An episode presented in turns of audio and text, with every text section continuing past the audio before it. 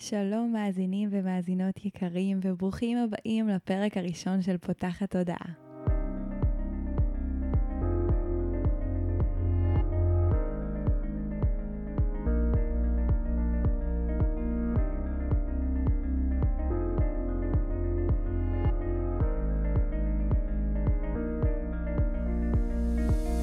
פותחת תודעה היא תוכנית פודקאסטים חדשה שכשמה כן היא נועדה לפתוח את התודעה שלנו ובה אני מארחת וגם פשוט מראיינת את עצמי ומדברת על כל מיני רעיונות מעולם הרוח, האנרגיה והתודעה שלא מספיק מדברים עליהם ואני חושבת שהם ממש ממש צריכים להגיע לאוזניים נוספות אז הגעתי לכם כאן בפודקאסט הזה הרבה מומחים ואנשים שאני מאוד אוהבת, אנשים שמסקרנים אותי בנושאים שמסקרנים אותי, ואני מקווה שיסקרנו גם אתכם. למי שלא מכיר אותי עדיין, לי קוראים ניצן אלפסי, אני המנחה של הפודקאסט הזה, ובין היתר אני גם מנחת קבוצות, מאמנת תודעתית ומלווה תהליכי העצמה אישית. את כל זה אני עושה באמצעות כלים מעולמות התת-מודע, האנרגיה והרוח, ובפודקאסט הזה אני הולכת להנגיש לכם את הנושאים הסופר מעניינים האלה. אז זה הפרק הראשון, מקווה שתאהבו אותו, ואם אהבתם אותו והתחברתם, אני מאוד מאוד אשמח שתש... תשתפו אותו ותעזרו לפודקאסט הזה לצבור תאוצה ולהגיע לכמה שיותר אנשים שצריכים לשמוע אותו. האזנה נעימה. טוב, שלום למיכל גרין, אה, שהיא בעלת המרכז לממורולוגיה ותודעה גבוהה, שהיא גם האורחת הראשונה שלי בפודקאסט, שאנחנו מכירות כבר אה, שנתיים כזה מרחוק, אה, ובשנה האחרונה קצת יותר מקרוב, והבאתי אותה לכאן היום בשביל לדבר על אינטואיציה.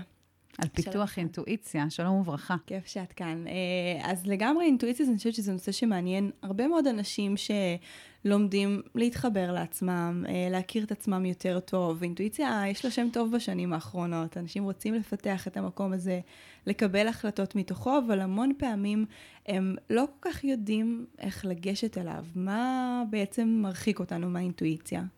קודם כל נבין מה זה אינטואיציה. אינטואיציה זה משהו מולד אצל כל בני אדם. והיא נסתרת מן העין.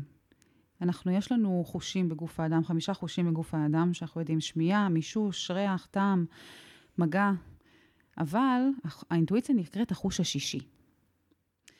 שאנחנו חושבים לפעמים שהיא זמינה רק לאנשים רוחניים שעושים עבודה ומדיטציה, אבל ההפך הוא הנכון. אינטואיציה עובדת כל הזמן. פשוט היא נסתרת מן העין. מה זה אומר? זה אומר שאם עכשיו תפגשי אדם בפעם הראשונה, את ישר תרגישי ותקבלי מידע נסתר מן העין, שאין לך שליטה עליו. מכירה את זה שאנשים אומרים, הוא לא בא לי בטוב? Mm-hmm. או מאוד מאוד התחברתי אליו? מאיפה זה מגיע? מאותו מידע ראשוני שהאינטואיציה קולטת. מבחינה מחקרית ראו שהעונה הימנית של המוח היא זו שאחראית על מרכז הדמיון, החלימה, האינטואיציה, החיבור לממדים גבוהים יותר. והאונה השמאלית היא זו האחראית על היגיון, על פרטים, על עובדות, ה mind, זה שחופר לנו צריך וצריך וצריך, זה האונה השמאלית. אז מה אנחנו עושים כדי להבין איך התרחקנו או לא התרחקנו? בעצם אנחנו מבינים שככל שאנחנו מפעילים את אונה ימין יותר, אנחנו יכולים יותר להיות קשובים לאינטואיציה. ואיך מפעילים את אונה ימין? אז קודם כל, יש דבר שנקרא just to be, להיות. לפעמים שאנחנו רק בוהים, כמו חלימה בהקיץ, יכול לרדת לנו איזשהו אסימון, שנקרא הערה. מכירה את זה? Mm-hmm. מהחיים שלך? לי זה קורה במקלחת. במקלחת, בשטיפת כלים. רק להיות, לא צריך להיות איזשהו משהו שהוא מעבר לגדרנו. אבל קשה לנו, אנחנו לא רגילים רק להיות, אנחנו רגילים כל הזמן להיות בדווינג ובדבר הבא, ולכן הדבר הראשוני כדי להתקרב חזרה לאינטואיציה, זה לשים לנו חלונות זמן יזומים בלוז, שהם רק להיות. גם אם זה אומר עכשיו לצפות בשיירת נמלים עוברת ולספור כמה נמלים עוברות שם, ממש ברמה כזו. Uh, בעצם חולה שליטה במרכאות אני אומרת את זה, שרוצים ככה להבין כל צעד מתוך מקום הגיוני ורציונלי, הם אלה שמתרחקים מההקשבה לאינטואיציה. וזה לא שהיא לא פועלת, פשוט הם מדחיקים אותה. אז איך אנחנו יכולים להתקרב חזרה? להתחיל להפעיל שוב את תאונה ימין. מה עושים במקרה שאנחנו פוחדים, האם זה אינטואיציה, או האם זה בכלל הפחד, האם זה ההתרגשות, איך מזיעים בין הקולות? נכון, גם רציתי לשאול אותך, אמרת אה, מקודם שאנחנו רואים בן אדם ואנחנו מרגישים איך אנחנו בעצם יודעים האם זה מגיע מהאינטואיציה, האם סתם שפטנו אותו, האם אולי הוא סתם מזכיר לנו איזה משהו ככה מהילדות שפחות אהבנו. איך אנחנו באמת יודעים לסנן בין האינטואיציה שאני אה, באופן אישי תופסת אותה כמשהו שהוא יותר, אה, נקרא לזה גבוה, רוחני או נקי, אל מול הדברים הארציים שיש בנו, החלקים האלה ששופטים, שמבקרים, שמפחדים. אה, זה משהו שככה מטריד הרבה אנשים, ואחרי שתגידי, אני אגיד מה לדעתי מרחיק אנשים מהאינטואיציה. אז החוק הוא מאוד פשוט. המחשבה שעולה לך בשלוש שניות הראשונות כשאת פוגשת אדם, סיטואציה או כל תחושה, זו האינטואיציה. כלומר, ניצן, אם עכשיו את תשאלי אותי שאלה, האם נכון לי לצאת עם R.X, לדוגמה? באה בחורה רווקה, שואלת אותך, לדוגמה, דבר כזה. התשובה הראשונה שעולה לך בשלוש שניות הראשונות, היא הנכונה. לאחר שלוש שניות, זה ממש מבחינה מחקרית. מגיעה עונה שמאל ומתחילה להכניס את כל הניסיון עבר שלך, הפרשנויות שלך, החלקים שיש בהם באמת שיפוט, והם פחות מחוברים לממד הרוחני. המלצה מאוד טובה זה להתחיל להסתובב עם מחברת ועט, ולהתחיל לרשום מחשבות שיש לנו, מחשבות ראשוניות. זה חשוב שזה יהיה כתוב בכתב? זה יכול להיות גם בפתקים בטלפון? כן, זה גם יכול להיות. Mm-hmm. זה גם יכול להיות בפתקים בפלאפון, אם אתם יותר מתחברים לזה, רק חשוב לתפוס, אני קוראת לזה תפיסת מחשבות, את השלוש שניות הראשונות של המחשבה. אתם לא תאמינו ששם נמצאות כל התשובות הכי נכונות להתלבטויות שלכם. מדהים. ממש ברמה כזו. אז מה רצית להגיד עכשיו? אני רציתי להגיד שאני חושבת שמה שמרחיק אותנו בין היתר מהחיבור לאינטואיציה, זה עצם זה שכשהיינו קטנים, בעצם היינו הכי מחוברים אליה. אני מאוד מאמינה שאנחנו מגיעות, מגיעים לעולם הזה מאוד מאוד טהורים. נכון. ומאוד מחוברים. ואז לאורך כל החיים אנחנו חווים כל מיני סיטואציות שבהן מלמדים אותנו שההורים שלנו יודעים יותר טוב, והמבוגר האחראי והמנוסה אה, עושה את הבחירות הכי טובות, שבפועל לרוב המבוגרים הם יותר מונעים מפחד, מכישלונות, מכל מיני חוויות חיים. מאמונות מגבילות, נכון. נכון. וגם האמונות שלנו מתגבשות לאורך החיים. ובעצם, בגלל שאנחנו... אמ, שומעים כל הזמן שאנחנו לא יכולים לסמוך על עצמנו, או שהקבלת החלטות שלנו היא לא הכי נכונה, אנחנו לאט לאט לומדים להזניח את, ה, את האינטואיציה את הזאת, נכון. את הקול הזה, ו- ואפילו לא לשמוע אותו. בסוף ממש גם מדברים על זה כל הזמן בעולם של התת-מודע, שהקול שאנחנו שומעות בראש שלנו זה הקול של ההורים שלנו, כל מיני קולות, בין אם זה דברים שהם אמרו לנו עלינו, שהם אמרו על הסביבה, שהם אמרו על עצמם, זה בכל אחד מהרבדים האלה. אז אני מוצאת שמה שמרחיק את רוב האנשים שאני פוגשת אה, לאורך הדרך, זה באמת המקום הזה של הפסקתי לסמוך על עצמי, הפסקתי לדעת אה, לזהות. אה, מה שלי, ומה של מה אחרים. של אחרים, נכון. וגם מה שלי ומה של ה mind שלי. בדיוק כמו שאמרת, על האונה השמאלית הזו, אה, אני ממגנטת אליי, בגלל היותי כזו, הרבה אנשים שהם מנטליים. גם אצלי הצד המנטלי הוא מאוד מאוד חזק, ואז גם לצד האינטואיציה הראשונית יש כזה באמת את המקום הזה של רגע, אולי, אולי את מגזימה, אולי סתם שפטת, אולי סתם, סתם דוגמה עכשיו שהייתה לנו, הייתי עם אה, אימא שלי ואחותי ביוון, והיה איזשהו מלון שהגענו אליו, ולא אהבנו את האנרגיה שלו ברמה של שעתיים אחרי הצ'ק אין. תחושת בטן, נכון. ממש. שעתיים אחרי הצ'ק אין יצאנו החוצה, אמרנו לו שלום, והלכנו סגרנו מלון במקום אחר. מצוין. והקטע היה זה שדיברנו על זה אחר כך, כאילו גם על איך זה קרה לנו, כי סך הכל אני, אמא שלי, אחותי, נשים מאוד כאילו מודעות ורוחניות. ואז אה, ככה... אמא שלי אמרה שכשהיא ראתה את השם של המלון, משהו לא הסתדר לה. אבל היא כזה אמרה, טוב, כאילו, אולי זה סתם, אולי זה גם... השתיקה את הקול הזה. ממש, כי לפעמים אנחנו, יש מין קול כזה, טוב, מה את עושה דרמה? זה כן. השם של מלון, השם כן. של מלון עכשיו, תפסלי אותו, תחליפי את, המלון. אז, אז כן, כאילו, וזה ממש תרגול של לסמוך על האיתותים הממש קטנים האלה. ואני רואה אינטואיציה גם ככמו סוג של שריר, זאת אומרת, נכון. ככל שאני יותר מתאמנת בלהקשיב ולעשות, אז אני יותר סומכת בפעם הבאה, וגם הקול הזה הוא יותר ברור. אז זה בדיוק מחבר אותי לאיך מפתחים את זה, זה רק על סמך הצלחות, ניסיון והצלחה, תהייה, למידה. ככל שיש לנו הרבה יותר פידבקים מהיקום, שהלכנו עם תחושת הבטן והצלחנו, אנחנו יותר מפתחים את השריר של האינטואיציה. יותר מקשיבים לו. עכשיו, אי אפשר להזמין אותה. זה בא בצורה חדה, בלי שאת מצפה לזה. הנה, אמא ראתה שם של מלון, היא לא חשבה על זה לפני, לא שפטה את זה לפני, בום, האינטואיציה דיברה איתה. עכשיו, יש מחקרים שמראים שטייסים וכל מיני, אה, כל מיני נהגי מרוצים, או אנשים שמתעסקים באמת בדברים שהם, יש להם אחריות כבדה, עשו להם כל מיני מבחני אינטואיציה על תאונות, על דברים שהם מסוכנים, שנייה לפני שזה קורה, ובחנו איך התגובה, מי שהקשיב לאינטואיציה, איך הוא ניצל מהתאונה, ומי שלא הקשיב לאינטואיציה, נכנס לתאונה. וואו. וראו באמת שזה שהקשיב לאינטואיציה, אפילו שהייתה מוזרה ולא לא קשורה למציאות, ניצלו מהתאונה. מה אנחנו מבינים פה? שבעצם מבחינה רוחנית, אם אנחנו באמת מסתכלים על זה מגבוה, הנשמה שלנו כל הזמן מדברת איתנו, וזה החלק של האינטואיציה. עכשיו, יש אנשים שמחוברים יותר רוחנית, ויש אנשים שמחוברים פחות רוחנית, אבל זה לא אומר שהיא לא עובדת אצלהם. Mm-hmm. אנחנו צריכים, כדי להיכנס למקום של ההצלחה עם האינטואיציה, להתחיל להקשיב לה על דברים מאוד מאוד קטנים.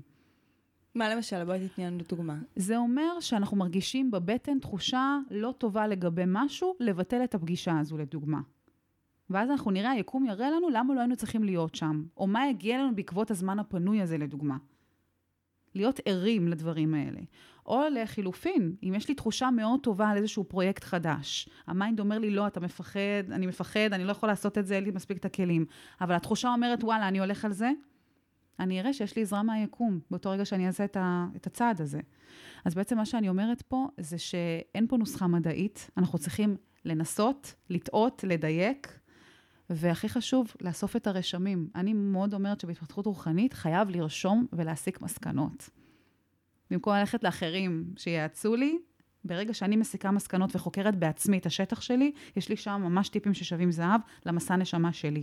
מדהים, זה ממש מרגש, מה שאת אומרת. אה, אני סקרנית, ככה, איך את חווה את זה, והייתי רוצה שגם ניתן קצת כלים למי שמאזין לנו.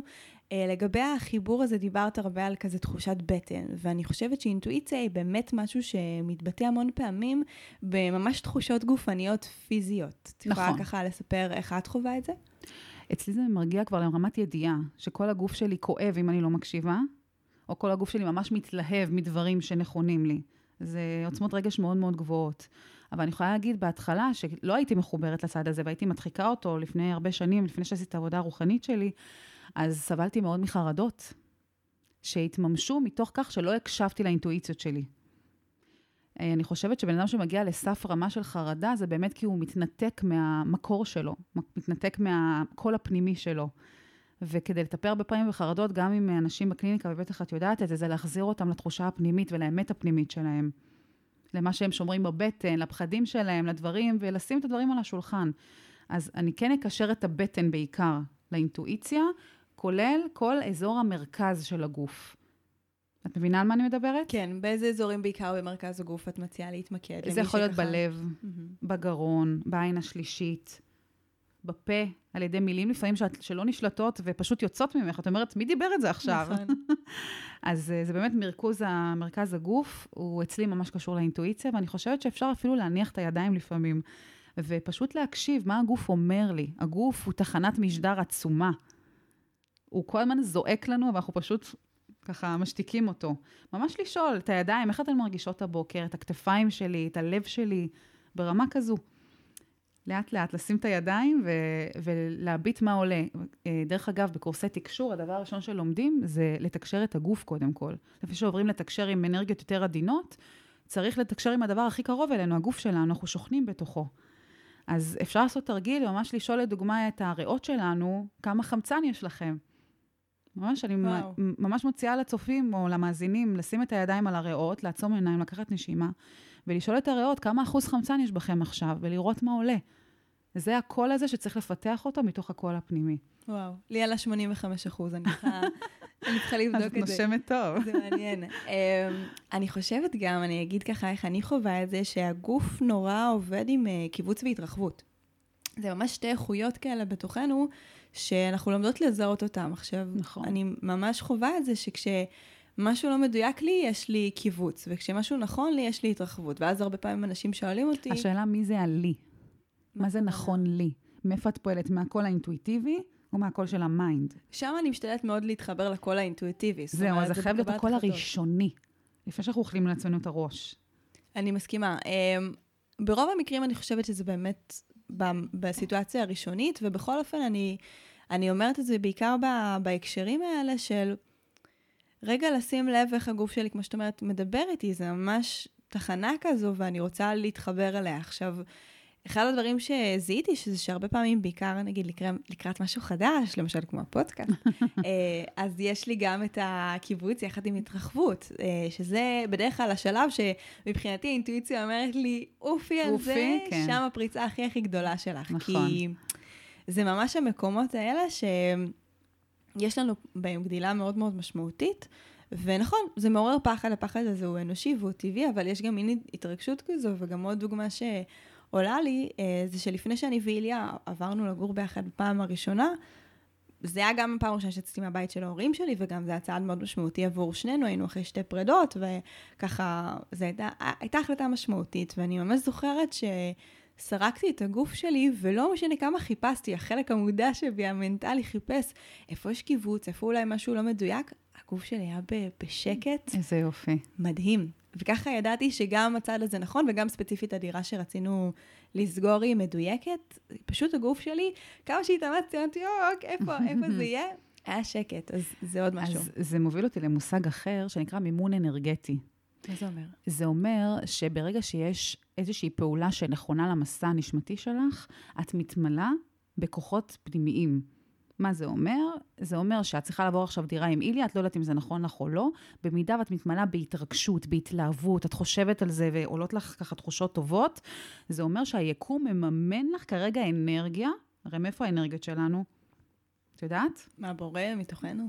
לגמרי. אז אנחנו צריכים להבין שאנחנו מיכל, אנחנו כלי, ובהתאם אה, לניווט שלנו כאן, בבחירות שלנו, אנחנו מקבלים אנרגיה או מאבדים אנרגיה. ממש ברמה כזו, או מקבלים או מאבדים. אז מימון אנרגיה אומר, ברגע שהיקום רואה שאנחנו עושים פעולות שהן נכונות למסע הנשמתי שלנו, אנחנו מקבלים בוסט של אנרגיה. וזה אומר שאם אני חושבת על משהו, מתחילה לרקוד ממנו ולהתלהב ממנו, מה את מבינה מזה? שזה נכון שהוא לי. נכון לי. אבל אם אני מתכווצת לרמה של, שהגוף אומר לי, אל תעשי את זה, עד לרמה של מחלה, בטל ומבוטל, אבל ממש ברמה של שבירת רגל, או, או ככה איזשהו אירוע דרמטי, זה אומר שאיבדתי אנרגיה ואני לא במסלול הנכון לי. אז ממש תזכרו את זה, או איבוד אנרגיה או קבלה של אנרגיה. כמו מהבנק, מימון מהבנק. מגיע לך הלוואה או לא מגיע לך? מצחיק. אני, אני ממש זוכרת שהיה לי איזושהי סדנה שעשיתי, שהיא לא הייתה מדויקת, וממש התעקשתי לעשות אותה, ו, וראיתי איך באמת אנרגטית אני יוצאת ממנה גם מרוקנת, גם כספית, היא הייתה בסוף אה, לא רווחית, וזה, וזה ממש המקום הזה, אני חושבת, שלנו, ש... לומד להיות קשוב לזה. גם דיברת על זה בצורה מאוד יפה, שהגוף שלנו, השלב המתקדם שלו זה כבר המון פעמים המחלות האלה, השבירת רגל, אירועים שהם כביכול חיצוניים, חיצוניים פנימיים שכאלה, ואנחנו לא תמיד מייחסים להם חשיבות. בואי נדבר קצת על סימנים, אני חושבת שזה... אוי, זה מדהים. סימנים, סימנים.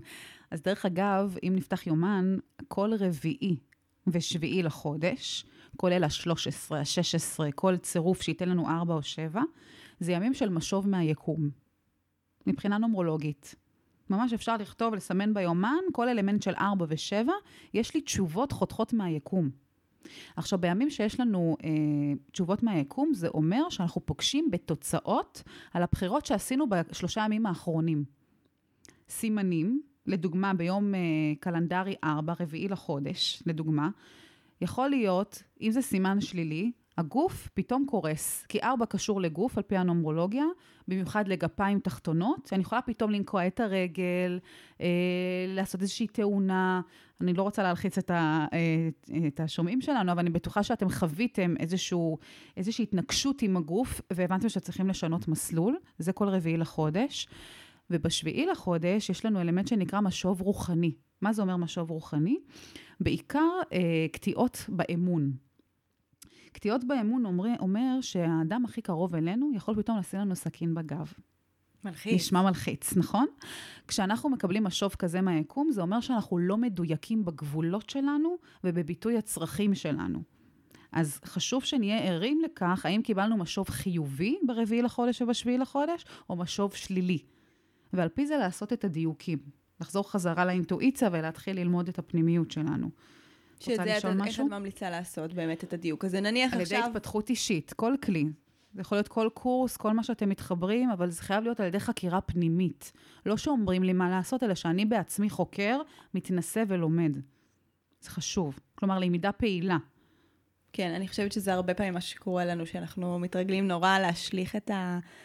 את ה... לא יודעת, עושר, הצלחה והתפתחות שלנו על איזשהו קורס, הוא יציל אותי, הוא יעזור לי, הוא יפתור לי, וזה ממש אה, שלנו נכון. עם עצמנו, עבודה יומיומית. בדיוק. גם אם אני הולכת למישהו שמרגיש שהוא יציל אותי, זה עדיין תלוי 100% אחריות כמה אני אתמסר לתהליך וכמה אני אעשה עבודה שם. כולל לתרגל את הקורס, את יודעת, לעשות את עבודת עומק, לא רק להגיע לשמוע את השיעורים. לחלוטין. אני חושבת שזה באמת הביטוי גם של מה שאת אומרת כאן. לא רק uh, להגיד, אוקיי, אני מבינה שמשהו חיצוני קורה, משהו פה לא מדויק, אלא גם לבוא ולשאול את השאלות האלה את עצמנו, מה לא מדויק, מה אני יכולה לעשות אחרת, איפה אני אולי לא הייתי בהלימה עם האמת שלי. כי אני חושבת שזה ממש אה, שאלה טובה לבוא ולשאול, איפה לא הייתי נאמנה לעצמי בתוך הדבר הזה, ולא הייתי קשובה לאינטואיציה, ומתוך הדבר הזה לתקן. ובעיקר לשאול שאלות פתוחות. תני לנו דוגמאות לשאלות פתוחות. כי אנחנו רגילות לשים נקודה בסוף מחשבה כל הזמן. מבינה, אנחנו עובדים על אמונות שחוזרות על עצמן כמו לופ כל הזמן, ושאלה פתוחה אומרת שאני מתחילה להטיל ספק בכל מה שאני יודעת עד היום. גם לגבי היכולות שלי. לדוגמה, מה את אוהבת לעשות כתחביב, תגידי לי? לרקוד. לרקוד? זה משהו שבא מילדות או שלאחרונה? מילדות. מילדות, אוקיי. ואת רוצה להגיע לשלב הבא? בעולם הריקוד? לא, האמת שלא. זה אף פעם לא. לא היה חלום שלי. כאילו, זה היה משהו שהוא מאוד לנפש שלי, מאוד ממלא אותי. את רוב התחביבים שלי אני שומרת כתחביב, והתחביב שהפכתי למקצוע זה זה, ופה אני באמת יותר רואה את, ה... אוקיי. את ההתקדמות שלי. אוקיי, אז בואו ניקח את העניין של העסק. Mm-hmm. האם את מרגישה שמוצו כל יכולותייך? לא. לא. לא. אז פה, אה, גם בפחדים שעולים, אנחנו צריכים לשים במקום סימן, של, סימן קריאה בסוף המחשבה, סימן שאלה. לדוגמה, עם הפודקאסט, איזה מחשבה מקבילה יכולה לעלות עליו? אנשים לא ירצו להאזין, יש עוד הרבה מהמם, פודקאסטים. אנשים לא, רוצים, לא ירצו להאזין. במקום סימן קריאה או נקודה, בואי נשים סימן שאלה, תשאלי עכשיו. אנשים לא ירצו להאזין? מהמם. תשאירי את התשובה ליקום. אנחנו משחררות את השאלה הזו פה בפודקאסט הראשון, האם אנשים לא ירצו להאזין? ותני ליקום לענות. ואם היא מנוסחת בשלילה זה בעיה? אומרים זה לא בעיה. Mm-hmm. את מטילה ספק. את מאפשרת. לא חייב... אני יודעת שיש את העניין הזה שאומר לנסח חיובי, אבל אנחנו גם הרבה במחשבות הפנימיות מדברים שלילי. אנחנו רוצים לדעת, האם אנשים לא ירצו להאזין לזה, mm-hmm. אבל ממש להטיל ספק. Mm-hmm. ובואי נראה מה יהיה עם הפרק הראשון. חזק. תני ליקום לענות. אני מקווה שהוא יצליח. אני רוצה שנחזור קצת להבדלים האלה בין אה, פחד לבין אה, אינטואיציה. אז באמת דיברנו על, על העונה הימנית והשמאלית ועל כל מה שמגיע משם. יש לך עוד כלים אה, שיוכלו לעזור למי שמקשיב לנו לזהות האם הוא פועל כרגע מתוך פחד או מתוך אינטואיציה? מעבר למה שאמרנו עם, כן. עם התחושות? מרגיש לי שזה נושא כאילו שבא לי להתעכב עליו, כי רוב השאלות שאני מקבלת על הנושאים האלה זה המקום הזה, איפה ה... החלק הרוחני שלי מתערבב עם החלק הארצי שלי, ואיך אני מצליחה לעשות סדר ולהבין מי מדבר עכשיו. כן, אז בעיקר הפחדים שלנו הם מאוד הישרדותיים. מהמקום ההישרדותי. אני אוהבת להגיד בעולם מושלם, שאני בטוחה שהדבר הזה יצליח, מה ההחלטה שהייתי מקבלת. ואז אני פועלת מהמקום הגבוה שלי, ולא מהמקום ההישרדותי שלי.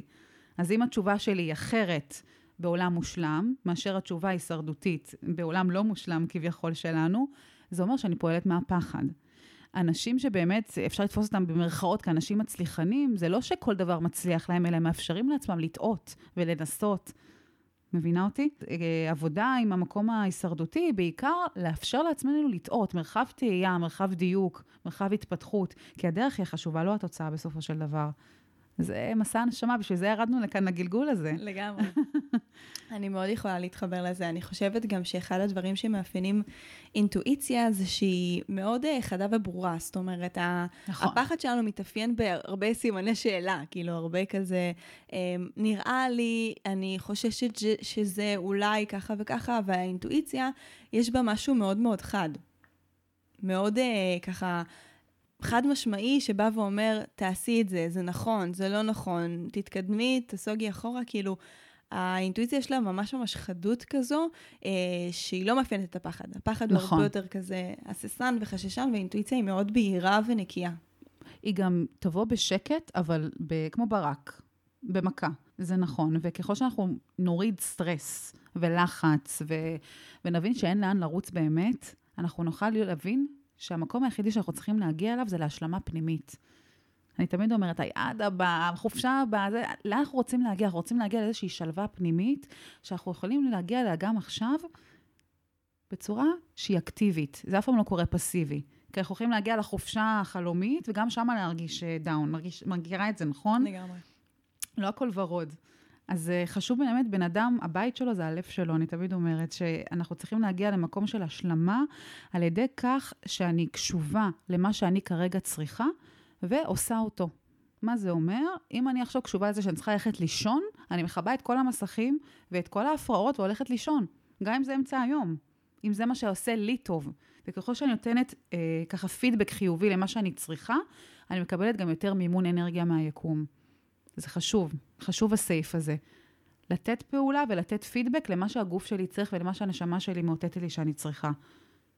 אני ממש חושבת שזה, כמו שאמרת בהתחלה, להקדיש לזה זמנים יזומים. זאת אומרת, בתוך מרוץ החיים אנחנו לא תמיד אה, שואלות מה שלומנו, בודקות מה איתנו, וממש הייתי ממליצה למי שככה מאזין, אפילו לשים תזכורת בטלפון, לשים זמן שבועי. אה, הרבה פעמים אני מציעה לנשים שאני מלווה, כשאנחנו עובדות גם על חיבור לרגש, זה לשים איזשהו שעון מעורר של מה אני מרגישה עכשיו. מהמם. רגע לעצור ולראות מה, מה בכלל חי בתוכי, מה, מה אני מרגישה, מה אני חווה. בדיקת מה... דופק. ממש. ו... וזה מתחיל מזה שזה קורה באופן מאולץ אולי קצת וחיצוני, וזה הופך להיות משהו שאני כבר עם הזמן מת... מתרגלת להיות בהקשבה עליו. בשריר, נכון. מפתחת את השריר הזה. אה, אני רוצה לשאול אותך, אם היה מדד, נגיד מ-1 עד 100, והייתי לוקחת שלוש תחומים בחיים שלך, זוגיות, כסף ומערכות יחסים שהן לא זוגיות. Mm-hmm. עד כמה את מרגישה בכל אחד מהתחומים שאת מקשיבה לאינטואיציה בצורה שהיית שלמה איתה? תני לי ציון, נגיד בזוגיות עם איליה. בזוגיות עם איליה אני חושבת שזו הקשבה מאוד כאילו גבוהה, מלאה. שלקחה לי, לך זמן, המנטל שלי היה מאוד מאוד חזק שם במקום הזה של רגע כאילו, אמ, זה נכון, זה לא נכון, היה לנו הרי כמה פרידות, אולי אני חוזרת כי נוח לי, ושם זה היה ממש, זוכרת שמי שליוותה אותי אז אמרה לי, ניצן, תקשיבי לגוף שלך, הגוף שלך רוצה להיות שם. כאילו, אל תתווכחי עם זה בטיעונים המנטליים, וזה היה לי מאוד מאוד חזק. מהמם. ברור שיש שם אה, שיעורים גם עכשיו אחרים, ודברים עד שם. 120 הם יהיו. אז גם שם אה, אני כל הזמן מדייקת. מה היה השני? השני היה כסף. Um, כסף. אני חושבת שבכסף יש לי עוד עבודה מסוימת לעשות, זאת אומרת, uh, כשאני מחוברת זה בא ממש בקלות, וכשאני נכנסת ללופ הישרדותי זה הופך להיות נורא כזה... אז בסקאלה, אני חושבת ששבע. שבע. אני, אוקיי, אני נמצאת עד בשבע. ואני, שואפ, ואני שואפת להיות יותר. שואפת לשמונה, כל פעם מדרגה קטנה. לקחתי. יופי, כן, בקטן. מהמם. ומערכות יחסים שאינם איליה? חברויות, קולגות. אני חושבת ששם um, יותר נמוך, כאילו, אוקיי. לצערי. מהמם. יש לי עוד הרבה מנגנוני הגנה, אני מגלה אותם ממש עכשיו בעבודה שאני, שאני ככה עושה עם עצמי, ואני רואה שהמון פעמים אני קצת חוששת משיתופי פעולה, או מכל מיני אנשים שרוצים בקרבתי, ויש לי נורא את המקום הזה של רגע, כאילו, מה האינטרס שלו? בדיוק. אז על זה אני מאוד מאוד עובדת, ושם הייתי רוצה יותר לחזק את האינטואיציה, ושפחות הפחד, אה, ינהל או, אותך. כן, ישלוט ו- וככה יהיה, אני מאוד ערה לזה, זה ממש עבודה. דרך אגב, מה האינטואיציה שלך אמרה עלינו? עלינו, יש, את היית בין האנשים הראשונים ש... ש... שרצ... שידעתי שאני רוצה לראיין. כי מה. מה הגוף שלך התמלא ברגע שחשבת על זה? בידיעה כאילו שזה יהיה טוב, זה יהיה הרמוני, שאנחנו נשלים אחת את השנייה, שיהיה לנו שיח מעניין, שאנחנו נהיה כזה מסונכרנות. כלומר, קיבלת אישור. כן. אוקיי, אז אפשר לא- להגיד פה שזה לא נמוך. הנה, היה לך איזושהי אינטואיציה לגבי מערכת יחסים שהיא לא איליה. נכון, אולי אני קצת מחמירה עם את עצמי. מחמירה? כי את צולחת את זה מאוד יפה. כן, משתדלת. ברוך השם. תודה רבה. אוקיי, לאן את כן רוצה לכוון? בעניין המערכות, מערכות היחסים, בואי נעשה את זה בלייב. הייתי רוצה יותר לאפשר לאנשים להיכנס למרחב הפנימי שלי, לגלות יופי. נגיד, אה, לגלות עוד חלקים בניצן. כי בניצן יש שתי דמויות שהן אמנם קשורות, אבל לפעמים גם מרגישות לי קצת נפרדות. זרות. ניצן של העסק וניצן של החיים האישיים. והמון פעמים אני חוששת לחשוף אנשים לדברים שהם קצת יותר עמוקים שלי, כי אולי זה לא יתיישב להם. עם העסק. כן, מהמם. זה אחד האתגרים הגדולים. לא, הכל עניין של איזון, אבל. לא תכננתי להיות כל כך, את לוקחת אותי לעמוקים, לא? אפשר לערוך את זה. אנחנו לא נערוך את זה. נכון. אמ, אני רציתי להגיד לך, שאני נותנת לך תרגיל, שכשנסיים היום את הפודקאסט, את תעברי על ה- רשימת אנשי קשר שלך, או פייסבוק, או אינסטגרם, לא משנה מה, ותסתכלי על קולגות. ופשוט באינטואיציה הראשונית, תבחרי מי נכון לפודקאסט השני, או מי נכון להיכנס למרחב שלך בהמשך. תעבדי עם, ה- עם הכלי הזה של האינטואיציה, מה שדיברנו היום, כי הוא לא סתם נבחר לקטע הראשון שלך. נכון. מסכימה איתי? לגמרי. הוא ממש כלי שכרגע את צריכה לפתח אותו, ואני חושבת שבכל עשר uh, הקלטות, נגיד פוסטקאט 10, 20, 30 וככה הלאה, תתני לצופים שלך איזה, איזשהו סימן דרך, עד כמה זה ישתפר אצלך, עד כמה את עשית תהליך, וזה יהיה מאוד יפה לראות הגדילה הזו. מדהים, לקחתי לי. רש, רשמתי בפניי. ולכל המאזינים יכולים פשוט לקחת את האנשי קשר שלהם ולעבור ולראות מה תחושת בטן אומרת לגבי כל אדם. זה מדהים, זה תרגיל מדהים, וצ... ואני שוב מזכירה, התשובה שעולה בשלוש שניות הראשונות היא האינטואיציה. אחר כך זה כבר השיפוט, המחשבות, הזיכרונות עבר. בשלוש שניות הראשונות, לתפוס את המחשבות. מצוין.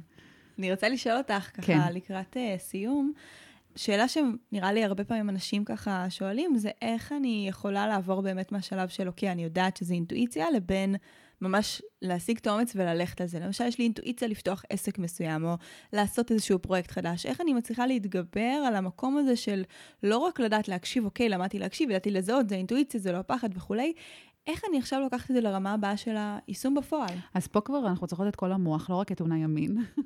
כי עונה שמאל משחקת פה תפקיד מאוד חשוב בעניין האומץ, הפעולות, העובדות. אנחנו צריכים להתלמד לאיזושהי תוכנית, לאיזשהו מתווה, שאני אדע איך לעשות את הדברים.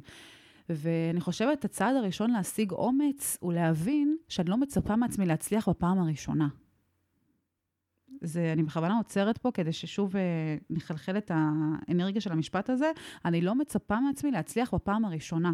אני מאפשרת לעצמי שוב לטעות וללמוד, וממש להיות תלמידה לרגע אחד. להתייעץ עם אנשים שכבר עשו את זה, ואם מישהו כבר עשה את זה בעולם, זה גם אפשרי עבורי. זאת אומרת, זה הנחת יסוד של ה-NLP. אפשרי בעולם, אפשרי עבורי. מכירה את זה? כן. אה, אז אה, זה, זה השקל וחצי שלי לגבי אומץ. זה ממש לא לחשוב שאנשים אחרים אמיצים יותר, הם פשוט הרשו לעצמם לנסות ולטעות. אז כל החולה שליטה, פרפקציוניזם, שגם לנו לא חסר מזה, ובאמת אה, יש מקומות שעבדנו עליהם, מקומות שאנחנו עוד צריכות לעבוד עליהם. אנחנו צריכות להעתיק בעין, ממש להעתיק, את אותה פעולה שעשינו, לדוגמה, לגבי הזוגיות עם איליה, כן? עכשיו למקום של מערכות היחסים שאינם איליה. להעתיק את אותה הפעולה, את אותה התחושה, את אותו, את אותו הרגש. ולהגיד, אם זה עבד לי פה, אני יכולה לנסות עכשיו גם כן פה. משמעותי, זה ממש חזק. במקום לקחת את הניסיונות השליליים שלנו, של איפה זה לא עובד, אז זה לא יעבוד גם בפעם הבאה, לקחת את המקום של, הנה, יש תחומים שזה עובד, או עובד קצת יותר טוב ממה שאני חווה, ולעשות לזה שכפול. נכון מאוד, נכון מאוד. שכפול של ניסיון. שכפול של ניסיון, ולא לשכוח להסיק מסקנות. להשתמש במחברת או בפתקים בטלפון, לרשום כל ערב שלוש דברים שלמדתי היום. גם שם האינטואיציה מדברת. חזק. בכללי גם כתיבה, אה, הזכרת לי שרציתי גם באמת להתייחס לזה.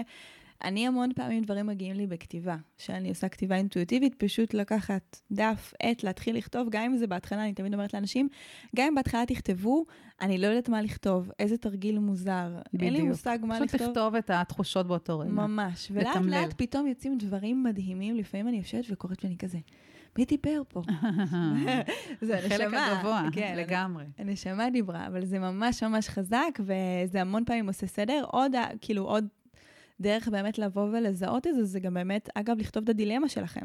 לשבת ולכתוב את הדילמה שאתם חוות, ודרך הסיפור והכתיבה של זה, גם לראות מה אתם כותבות. ייצוא פתרונות, גם נכון. פתרונות, אבל גם יותר קל לזהות כזה בעיניי מה, מה פה נובע מפחד, מה פה נובע מתוך בהירות וניקיון פנימי, כאילו כשזה לא בראש שלי וזה נמצא נכון, על מחוץ הדף. לי. אני, מדהים. אני יותר יכולה להתבונן על זה ו- ובאמת להבין. אה, ויש איזושהי נביאה פנימית של מידע, שככה ב mind זה לא יכול לצאת. נכון. הרי כל העניין זה לפלוט את מה שאנחנו קולטים. ככה, זה, ככה אנחנו מפנים מקום לעוד אנרגיה שעוברת דרכנו, להיות צינור. אה, וכתיבה זה בהחלט מקום, או ריקוד, שירה, כל דבר של הבעה. כל אחד מה שהוא מתחבר. יש כאלה גם דרך אומנות. נכון. דרך פיסול, דרך גינון. כל אחד והפעולה שמוציאה ממנו עוד ועוד אנרגיה. תזכרו שככל שאתם מפנים יותר אנרגיה מתוככם, יכולה להגיע אנרגיה גבוהה יותר וטובה יותר עבורכם. לכן לפעמים אפילו שיחה עם חברת נפש עושה כל כך הרבה סדר, אה, וזה שווה זהב. יש לך עוד טיפים לפנות אנרגיה? סקרנת אותי, וזה בא לי, בא לי שנגיד לזה כמה מילים. פינוי אנרגיה? כן. איך עוד אפשר לפנות אנרגיה לאנרגיה חדשה? קודם כל, גם חפצים במרחב. שתדעי לך שחפצים שעומדים ככה ברצפה, הם ממש לוקחים מאיתנו אנרגיות. ידעת את זה? אני לפי יודעת ש... הפאנק שווי. אני, אני אגרנית, אה, על הרצפה כאילו זרוקים. כן, באמצע המעבר לדוגמה. איליה ישמח שאמרת את זה, אני משאירה דברים בכל הבית. או, אז זה לוקח ממך אנרגיות. ותחשבי על בית מסודר, הרבה יותר בהיר לך מחשבתית. בית מבולגן, קשה לך. מה שאני מציעה זה בכל תשעה ימים, ממש לעבור חפצים ולהגיד, יש לי צורך בזה? אם חלילה, חלילה, חלילה, יש פה הצפה פתאום, וכל הרהיטים שלי הולכים, האם אני חייבת להציל את זה? יש לי רק דקה להציל איזשהם פריטים. מה הדברים שהכי הייתי לוקחת? ואנחנו נראה שככל שנפנה גם חפצים, יותר מתנות אפילו פיזיות יגיעו אלינו. זה סעיף שאני מרגישה שאני חייבת לעשות. יאללה, את מנסה ואת מודיעה לנו. לגמרי. תקשיבו, יש לי פה, אני מודה, אני אגרנית, יש לי גם ערך סנטימנטלי לכל דבר, וכל דבר אני אומרת, טוב, אולי מתישהו אני אשתמש בזה, ואני לרוב אפילו לא זוכרת שזה קיים. אז אה, בדיוק. אני ממש לוקחת את זה. ותראי שיהיו לך ילדים, גם כל הצעצועים שנאגרים להם, חשוב גם ללמד אותם. לסנן. לפנות, מה אתה לא צריך, מה אתה רוצה לתרום הלאה, והמתנות מגיעות. ממש אה, בעניין של 24 שעות, את רואה כבר מתנה שמגיעה אלייך, ברגע שאת מפנה אנרגיה. אה, טיפ נוסף שאני אתן לרווקות שרוצות לזמן את הגבר שלהן, או רווקים שרוצים לזמן את האישה שלהם, לפנות את המדף האמצעי בח... בארון, בחלון אני אומרת. דווקא אמצעי? האמצעי. כן, לא בצד, לא זה, אלא האמצעי. זה שאת כל יום רואה אותו, ו... ולעשות את הפעולה הזו עם המון אהבה, ואתם תראו שיפתח לכם איזשהו צינור של שפע שקשור לזוגיות. וואו. כן. אני מאוד מאמינה בזה. אני גם, אה, אני זוכרת שפעם אחת איזה, לפני המון המון שנים, איזושהי מתקשרת אמרה לאימא שלי שעוד הייתי על מיטת יחיד, שיקנו לי מיטה זוגית, שזה יעזור לי לזוגיות. הייתי אז בת 17, לא יודעת מה לה כזה לחוץ, אבל, אה, אבל זה באמת, אה, זה באמת עזר, ברוך השם. כן. כי זה- הכל אנרגיה. היקום שלנו זה הכל אנרגיה. איך שנעבוד איתה, זה מה שגם נזמן. בא לי שנדבר קצת על, על האינטואיציה בהקשר של אה, מספרים. בסוף את אה, נומרולוגית, אי אפשר לקחת את זה ממך. איך אנחנו יכולות להיעזר במספרים כדי לקבל מסרים אז מאינטואיציה? קודם כל צריך, אה, צריך ללמוד את שפת המספרים, כי זה שפה. זה שפה לגמרי. אבל אני יכולה להגיד, כמו שאמרתי מקודם, שכל רביעי ושביעי לחודש, אנחנו מקבלים ממש תשובות חותכות מהיקום על ההחלטות שלנו. איך עוד אפשר להשתמש בכוח המספרים? מספרים שאנחנו רואים חוזרים בשעון. במידה וזה תופס אותנו, ויש ימים שיותר, יש ימים שפחות, יש לזה משמעות. את יודעת שיש משמעות אפילו לפוסט שאת קוראת בשעה מסוימת? מה הכוונה? זה אומר שאם את תביני את שפת המספרים, ואת תראי איזשהו מידע שנגלה אלייך, ואת תסתכלי על השעון, את תביני גם מה את אמורה לעשות עם המידע הזה. וואו. כן. כי יש דיוק ביקום שלנו, אבל אני לא אכניס את- הצופים והשומעים שלנו לזה. אה, אני אוכל להגיד שאפשר להסתכל לדוגמה על מספר הבית שלכם, שאתם גרים בו, ולהתחיל אה, ככה אינטואיטיבית, להגיד מה המספר הזה אומר לי, מה הוא מזכיר לי, ואחר כך ללכת לרשת וממש לקרוא מה אומר המספר הזה. מהמם. אתם, יפלו לכם אסימונים מדהימים. למה היקום שם אותי דווקא באנרגיה של הבית הזה בתקופה הזו? כי לכל בית יש את האנרגיה שלו ואת המטרה שלו. זה מרגש מאוד ממש. לגלות את זה. ישר, ישר ש, שמיכל נכנסה לפה, אז היא אמרה, "אמ, את בית אה, מספר 509. לגמרי, ו-509 זה באמת מספרי התקשורת, ככה שאמרתי לך שהפודקאסט הזה יהיה מאוד מצליח בעזרת השם. בעזרת השם. איזה כיף. הוא ממש מתאים ל- לאנרגיה של אה, דיבור והעברת מידע, אז זכינו. אמן. זה כיף, תודה רבה לך. אה, איפה ככה אפשר למצוא אותך למי שרוצה קצת לשמוע יותר, להכיר יותר את השפה הזו של המספרים שהיא מרתקת אה, ברמות שאין לתאר בעיניי? ברשתות, מיכל גרין, המרכז לנומרולוגיה ותודעה גבוהה. אה, ובעיקר בנפש, בנשמה. אני מאמינה שאני תמיד אומרת שתלמידים שמגיעים אליי, הם זימנו את זה לפני זה, ורצו איזושהי קפיצת דרך רוחנית. אה, פה דיברנו קצת פחות רוח, אבל בשפה היומיומית שלי אני מדברת מאוד רוחני, ככה שאם יש לנו מאזינים שהם רוחניים, אתם לגמרי יכולים להיכנס לפרופילים שלי וליהנות מבית רוחני באהבה. לגמרי, כדאי לכם, היא עושה מלא פינות כאלה של ייעוץ נומרולוגי ודברים ממש אה, מרתקים, נעזרתי בה לא פעם. אה, טוב, אהובה, היה לי היה תענוג. מדהים, מהממת ממש, שלי. תודה רבה שהגעת, ואני מקווה שנהניתם מהפרק הזה. כדי שהפודקאסט הזה יהיה כמה שיותר פרקטי וכמה שיותר ישים, בסוף כל פרק אני אדבר על הנקודות המרכזיות שנתנו לנו כאן שאפשר ללכת וליישם ישר אחרי. אז בפרק הזה מיכל נתנה המון המון דברים, הנה כמה מהם. לשים חלונות זמן יזומים, שבהם אנחנו פשוט נמצאים ונוכחים ומתרגלים את הבינג שלנו. להקשיב לתשובה שעולה בשלוש שניות הראשונות, זו התשובה הכי הכי נכונה. להקשיב למרכז הגוף שלנו, לקיבוץ או להתרחבות, הם אלה שבעצם מעידים על מה נכון עבורנו. לשים לב למימון האנרגטי, פעולה שהיא לא נכונה במסלול הנשמתי שלנו, תוביל להתרוקנות אנרגטית לעומת פעולה נכונה למסלול הנשמתי שתביא לעוצמה של אנרגיה ולהתרגשות והתלהבות להוציא את הדברים בפועל. קיבלנו כולנו משימה לעבור על אנשי הקשר ולראות מה עולה בתחושת הבטן לגבי כל אדם שאנחנו רואות, ואמרנו שכל רביעי ושביעי לחודש לשים לב למשוב שאנחנו מקבלים ולשים לב בלי קשר למספרים שאנחנו רואים בשעון. אז קיבלתם המון המון טיפים, תיישמו אותם, ובכך תוכלו להתחבר בצורה הרבה יותר משמעותית לאינטואיציה שלכם. אם אהבתם והתחברתם לתוכן של הפרק הזה, אנחנו ממש ממש נשמח שתשתפו אותו ברשתות החברתיות, עם אנשים שאתם אוהבים, שתתרגו אותו באפליקציה שבה אתם מאזינים, וזה יעזור לנו להגיע לאוזניים נוספות, לגדול ולהביא עוד מלא מלא פרקים מעניינים. לכל שאלה, מענה, טענה, הערה, נקודה לשיפור שיש לכם, מוזמנים לכתוב לי בעמוד האינסטגרם שלי, ניצן אלפסי לבחור באור. אני סקרנית לשמוע איך היה לכם, מה דעתכם, ולהמשיך את הדיון הזה גם מעבר. וזהו, נתראה בפרק הבא.